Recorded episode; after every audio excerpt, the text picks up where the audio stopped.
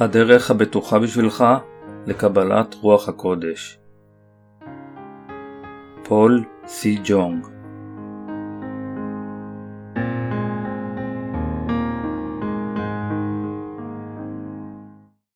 דרשה מספר אחת רוח הקודש פועלת במסגרת הבטחתו של אלוהים. מעשה השליחים, פרק 1, פסוקים 4-8 ובאוכלו לחם עמהם, ציווה אותם לבלתי איסור מירושלים, כי אם לא אוכיל להבטחת האב, אשר שמעתם ממני. כי אוכלן אטביל במים, ואתם תטבלו ברוח הקודש, בקרוב, אחרי הימים האלה. ויהי, כאשר נאספו יחדיו, וישאלוהו לאמור, אדוננו, המשיב אתה בעת הזאת את המלוכה לישראל? ויאמר אליהם, לא לכם לדעת, העתים והזמנים אשר יעד האב בשלטונו.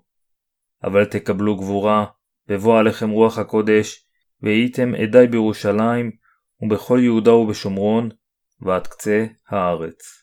פעם אחת, באמצעות תפילה, חוויתי קבלת זוהר מסוים, כמו רוח הקודש. אך זוהר זה לא המשיך לאורך זמן, ותוך זמן קצר גבה מול פני החטאים שהצטברו. בכל אופן, עתה אני רוצה לגלות לכם את האמת על רוח הקודש, אשר תשכון בנו לנצח, באמצעות הבשורה האמיתית, ולא באמצעות רוח שקרית, אשר נכבד בקלות על ידי חטאים. רוח הקודש אשר אני אציג לפניכם באמצעות מסר זה, היא לא משהו שתוכלו להשיג באמצעות תפילות, אלא רק באמצעות האמונה בבשורת המים והרוח. באמצעות ספר זה, אני מעוניין להדריכם כיצד לקבל את שכנתה של רוח הקודש. אתם תבינו שרוח הקודש תאציל על המסר אשר אני מעביר לכם. זהו רצונו המוחלט של אלוהים מאיתנו, שנקבל הפעם את רוח הקודש. תוכלו ללמוד על שכנת רוח הקודש ולקבל אותה באמצעות ספר זה. אם ספר זה אינו מספיק בשבילכם, אני מציע לכם לקרוא את שני הספרים אשר הוצאו לאור על ידי קודם לכן. באמצעות ספרים אלו תקבלו אמונה מושלמת לפני אלוהים. נוצרים רבים מנסים לקבל את רוח הקודש כפי שהיא ירדה לתלמידי יהושע בחג השבועות. חלק מהאנשים הרוויחו סכומי כסף גדולים כשניצלו עניין זה. הם העמידו פנים שרוח הקודש היא משהו אשר התאפשר להם לקבל באמצעות מעשה האדם. הם רצו להיות בעלי חזיונות, לבצע ניסים, לשמוע את קולו של יהושע, לדבר בלשונות, לרפא מחלות ולגרש שדים. בכל אופן, יש להם חטא בליבם, והם נמצאים תחת השפעתם של רוחות רעות. אל האפסיים, פרק 2, פסוקים 1-2. אפילו עתה, אנשים רבים אינם יודעים שהם נמצאים תחת כוחות של רוחות רעות. מכיוון שהשטן מקסים, הוא מוליך שולל את האנשים המשתמשים בכל מיני שיטות, כמו פלאים וניסים, אשר הן רק אשליות. יהושע ציווה את תלמידם לבלתי סור מירושלים, כי אם לא אוכיל להבטחת האב, אשר שמעתם ממני. מעשה השליחים, פרק 1, פסוק 4. רוח הקודש אשר נראית במעשה השליחים, לא באה באמצעות התנסות, התמסרות, או תפילות חזרה בתשובה, אלא באמצעות הכלת הבטחת האב, לתת להם את רוח הקודש. מה שעלינו ללמוד מקטע זה הוא ששכינתה של רוח הקודש אינה מתרחשת באמצעות תפילות מיואשות של האדם. היא מתנת אלוהים אשר יכולה להיות מושגת רק באמצעות האמונה בבשורה היפה של המים והרוח אשר אלוהים האב ויהושע המשיח העניקו לבני האדם. השכינה האמיתית של רוח הקודש מתרחשת באמצעות האמונה בבשורה אשר יהושע המשיח נתן לנו. אלוהים נתן לנו את האמת של המים והרוח כדי שנוכל לקבל את שכנתה של רוח הקודש. הראשונה ליוחנן, פרק 3, פסוקים 3-5. הניסוח רוח הקודש המובטחת מופיע הרבה פעמים בברית החדשה. פטרוס סיפר בדרשתו, מעשה השליחים, פרק 2, פסוקים 38-39, על תפילתה של רוח הקודש בחג השבועות. זוהי הבטחתו של אלוהים לתת את רוח הקודש לאלו אשר נמחלו מחטאיהם כתוצאה מהאמונה בבשורה היפה.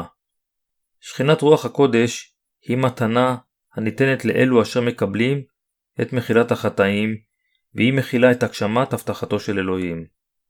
רוח הקודש, אשר בברית החדשה, היא לא משהו שאפשר להשיגו על ידי פשרה בין אלוהים לאדם, אלא היא מתנה מובטחת מאלוהים.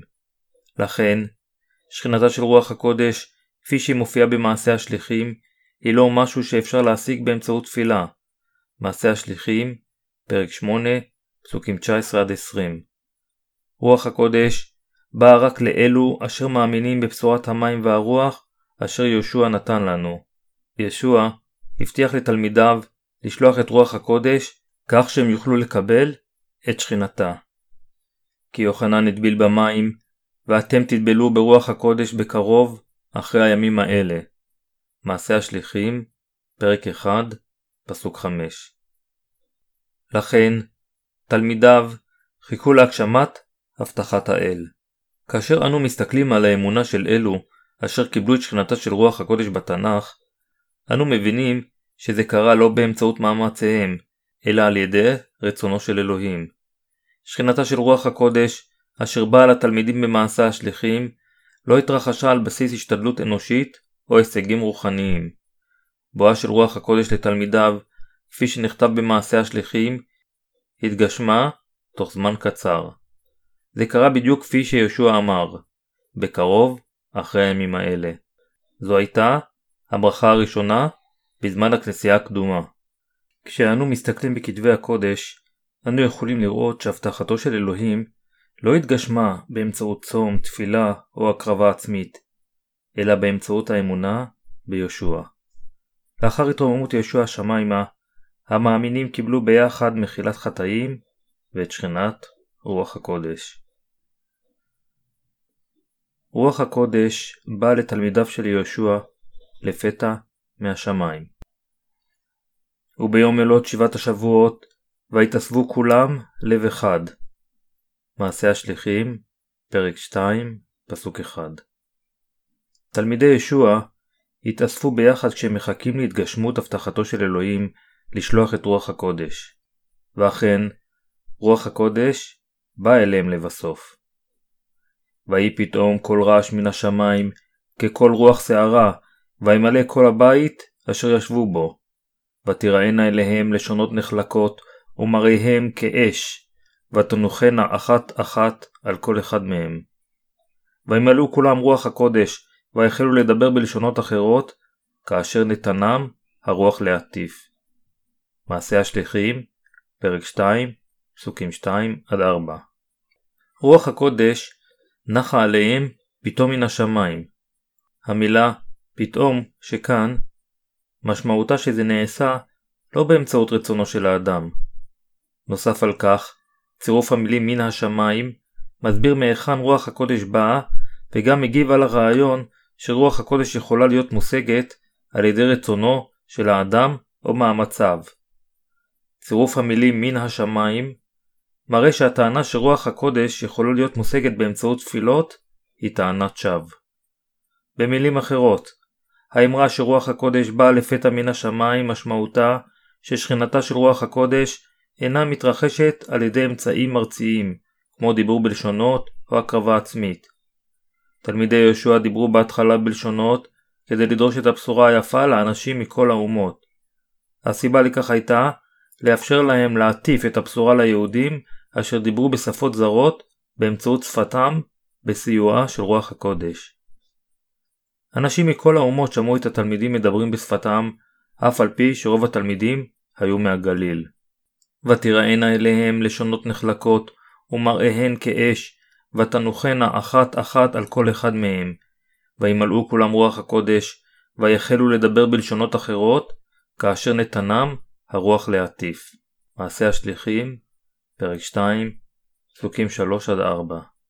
כאן עלינו לשים שימת לב מיוחדת לקטע בו רוח הקודש נחה על כל אחד מהם.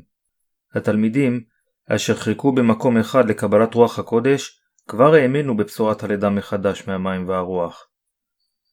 נוצרים רבים בימינו לא מבינים חלק זה של הקטע ומאמינים שביאתה של רוח הקודש מופיעה בזמן התפילה עם קול הדומה לנשיבת הרוח. בכל אופן, זוהי אי הבנה של מהי רוח הקודש, אשר נובעת מבורות ובלבול. האם רוח הקודש משמיעה קול כזה כאשר היא נחה על האנשים? לא, היא לא. מה שהאנשים שומעים באוזניהם זה את הקול אשר השטן משמיע כאשר הוא אוכל את נשמתם של האנשים. הוא משמיע קול זה כאשר הוא עובד עם אשליות, חיקוי קולות וניסים מזויפים במאמציו להביא את האנשים לבלבול, על ידי כך שהוא מתחזה לרוח הקודש.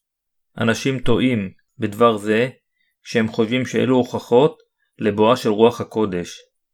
אנשים גם חושבים שרוח הקודש באה עם קול ששש כמו רוח חזקה. הם מולכים שולל על ידי השדים. בואה של רוח הקודש, כפי שהיא כתובה במעשה השליחים, הושגה רק באמצעות האמונה בבשורה היפה.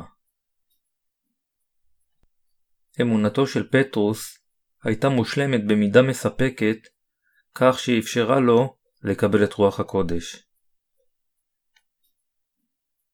על ידי הבלטת המאורע שבחג השבועות הראשון אשר במעשה השליחים פרק 2, אלוהים רצה להדגיש את האמת שרוח הקודש נחה עליהם מכיוון שהם כבר האמינו בבשורת המים והרוח. אך בדרך כלל, האנשים חושבים על חג שבועות כזמן אשר בו רוח הקודש יורדת מן השמיים עם אותות על-טבעיים ורעש חזק. זוהי הסיבה שבימים אלו בכנסי התעוררות מאמינים שהאדם יכול לקבל את רוח הקודש באמצעות תפילה מטורפת, צום או בעזרת הנחת הידיים. תופעות כמו כניסת שדים, עיבוד הכרה, היכנסות לטראנס במשך מספר ימים או רעידות ללא שליטה הם לא מעשיה של רוח הקודש. רוח הקודש היא ישות רציונלית ואינה מתעלמת מאישיותו של האדם.